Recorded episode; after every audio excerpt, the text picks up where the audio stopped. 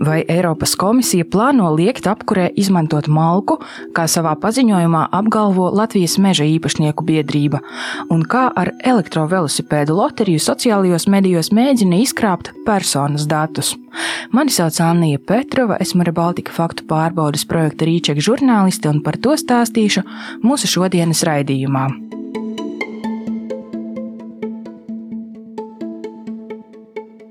Vispirms par koksnes izmantošanu apkurē.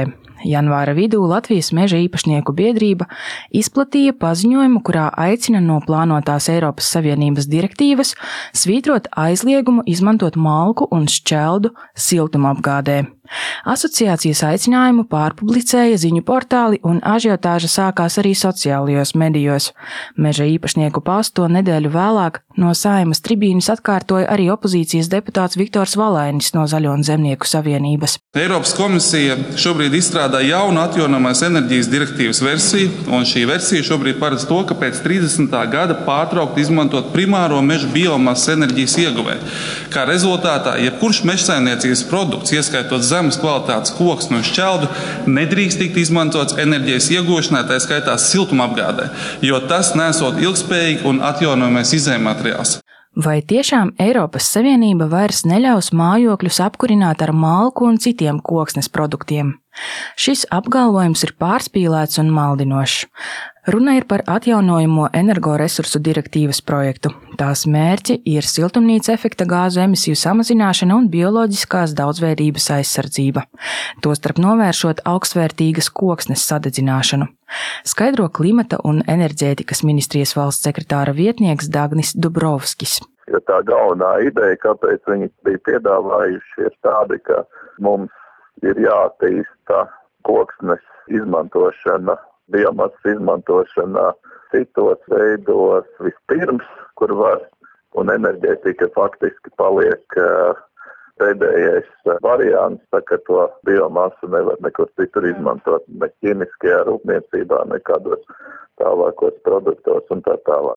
Eiropas komisija jau pirms pusotra gada piedāvāja direktīvā noteikt, ka dalību valstis augstvērtīgas koksnes izmantošanu apkurē nākotnē vairs neuzskatītu par ilgspējīgu un vairs nepiešķirtu kompensācijas, nodokļu atlaides vai cita veida atbalstu.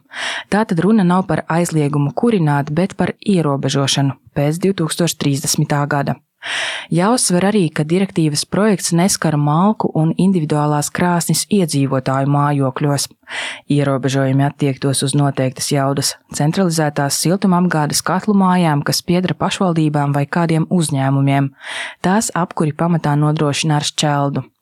Meža īpašnieku asociācijas vadītāja Sigita Alksne mums atzina, ka asociācijas paziņojums nav pilnībā korekts un solīja to precizēt. Savā pusē mēs arī šo informāciju, paldies, ka jūs norādījāt, arī novērsīsim arī mūsu mājaslapā. Eiropas komisija paredzēja vairs neatbalstīt zāģbaļķu, finieru kluču celmu un sakņu izmantošanu apkurē. Taču pērn rudenī Eiropas parlaments, kas arī piedalās direktīvas izstrādē, piedāvāja šo vērtīgās koksnes klāstu paplašināt. Noprotams, ka šis priekšlikums satraucis Latvijas meža īpašnieku asociāciju, pret to iebilst arī klimata un enerģētikas ministrija, skaidro Dubrovskis.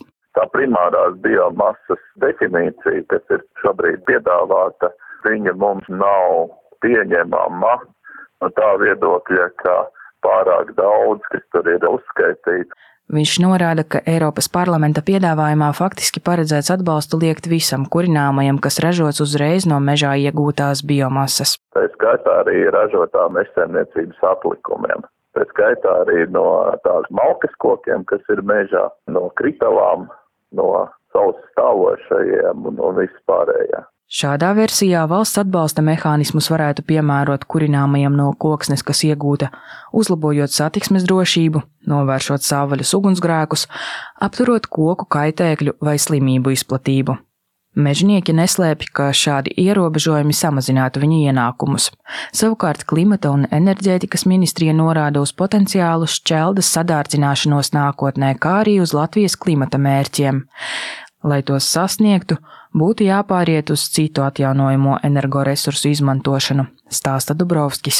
Tad, ja šobrīd mums Latvijā ir 45% atjaunojamā enerģija, un mēs esam kā saka, diezgan lieli līderi Eiropā, bet mums ir, teiksim, šobrīd arī jaunie mērķi, ka mums jābūt šai enerģijas īpatsvaram vairāk kā 60%. Tad šī definīcija mums samazina atjaunojumās enerģijas īpatsvaru uzreiz par 20-25% un Eiropas Savienības mērķis padara par nesasniedzamiem.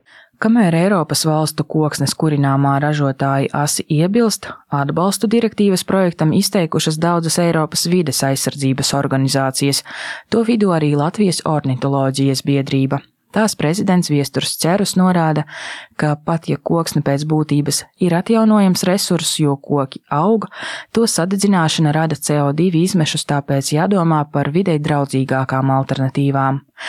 Turklāt Latvija ar savas koksnes eksportu atbalsta arī citu valstu energoapgādi. Mēs redzam, kas no dabas daudzveidības viedokļa notiek Latvijas mežos, un mēs zinām, ka eksports dzen arī eh, mežstrādes apjomus, un ka tie mežstrādes apjomi vienkārši ir lielāki nekā mūsu daba var turēt, arī tāpēc, un, un kā zaļās enerģijas vārdā, tad tiek izcirsti vērtīgi meži. Par direktīvas gala variantu tuvākajā laikā būs jāvienojas tā sauktajam trialogam Eiropas parlamentam, komisijai un padomējiem dalību valstu ministriem. Tik tālu par koksnes izmantošanu apkurē, bet turpināšu par interneta blēžu centieniem izkrāpt naudu. Ar prieku paziņojam, ka dāvinām 350 velosipēdus. Šādam sauklim kādā anonīmā Facebook lapā Latvijā noticējuši apmēram 12,000 cilvēku. Viņi dalījušies ar piedāvājumu, lai gan lapas veidotāji it kā apmaiņā pret dalību izlozē prasa reģistrēties un iesūtīt personas datus. Visdrīzāk ar šāda konkursa palīdzību mēģināts izkrāpt cilvēku bankas informāciju vai novirzīt viņus uz iespējams nedrošām interneta lapām. Ierakstu ielasa kolēģis. Ar prieku paziņojam, ka dāvinām 350 velosipēdus, kurus nevaram pārdot nelielu skrāpējumu un bojājumu dēļ. Visi dzinēji strādā labi, tāpēc nejauši nosūtīsim kādam, kurš dalīsies ar mūsu ierakstu un saka paldies. Kāpēc šī lapa visticamāk ir krāpnieku radīta, par to liecina vairākas kliedzošas pazīmes. Pirmkārt, konkursa organizētājs ir anonīms Facebook konts ar nosaukumu e-bike. Lai gan lapās stāstīs par velosipēdu pārdošanu, tajās nav nec veikalu fizisko adrešu, nec interneta vietnes, kur tos iegādāties. Otrakārt, lapas izveidotas vien janvārī, dažkārt pat tajā pašā dienā, kad izsludināta loterija. Treškārt, ilustrācijām izmantotas internetā zaktas fotogrāfijas, kas ņemtas no citām velosipēdu tirdzniecības uzņēmumu lapām. To var pārbaudīt ar interneta attēlu meklēšanas rīku palīdzību. Visbeidzot, Latvijā šāds uzņēmums nav reģistrēts, par ko var pārliecināties Latvijas uzņēmumu reģistra datu bāzē. Ja nekas no minētā cilvēku tomēr nav apturējis un viņš ar krāpnieku ierakstu tomēr dalījās, pretim no anonīmā konta uzreiz saņem tālākas instrukcijas. To vidū ir aicinājumi apmeklēt kādas citas interneta vietnes vai reģistrēties, izmantojot telefona numuru vai bankas informāciju. Arī Informācijas tehnoloģiju drošības incidentu novēršanas institūcija CERTLV saņēmusi informāciju no cilvēkiem par šādiem konkursiem. Daži ir informējuši brīžos, kad šādi konkursi ir aizveduši pie no viņu prāt aizdomīgām vietnēm, piemēram, vietām, kur vajag ierakstīt ļoti daudz personīgas informācijas. CERTLV kiberdrošības eksperts Gins Malkalnietis norāda arī uz bieži izplatītām dažādu vietu tālruņu viltus izlozēm, kuras izplata dažādu uzņēmumu vārdā. Tās vietnes gan visas kā vienas parasti novada pie krāpniecības, kas prasa vainu ievadīt kredītkaršu datus, vainu no savu tālruņa nosūtīt maksas īziņu, kas rezultējas ar paaugstinātas maksas pakalpojumu abonēšanas aktivizāciju. CERTLV saņēmis arī ziņojumus par vietām, kur cilvēki atstājuši savus kontaktus, bet vēlāk saņēmuši pastiprinātu uzmanību no krāpniekiem, kas piedāvā viltus investīcijas. Kiberdrošības eksperts tāpat aicina pameklēt informāciju par uzņēmumu, kas vēlas iegūt cilvēka datus, piemēram, atsauksmes. Labas vai sliktas, jā, vai viņas ir jo ir ļoti bieži, teiksim, nu, krāpnieciskie veikali un dažādas citas vietnes, ja, nu, par viņām īsti jūs neko neatradīsiet. Atsauksmes atrast būs grūti, jo parasti tādas vietnes tiek veidotas uz īsu brīdi konkrētai krāpšanas schēmai. Šis bija Rebaltika faktu pārbaudas projekta Rīčeka melu un maldu apskats, ko veidoju es, žurnāliste Annija Petrova, kopā ar kolēģiem Evitu Puriņu un Ronaldu Siliņu, speciāli Latvijas radioziņu dienestam.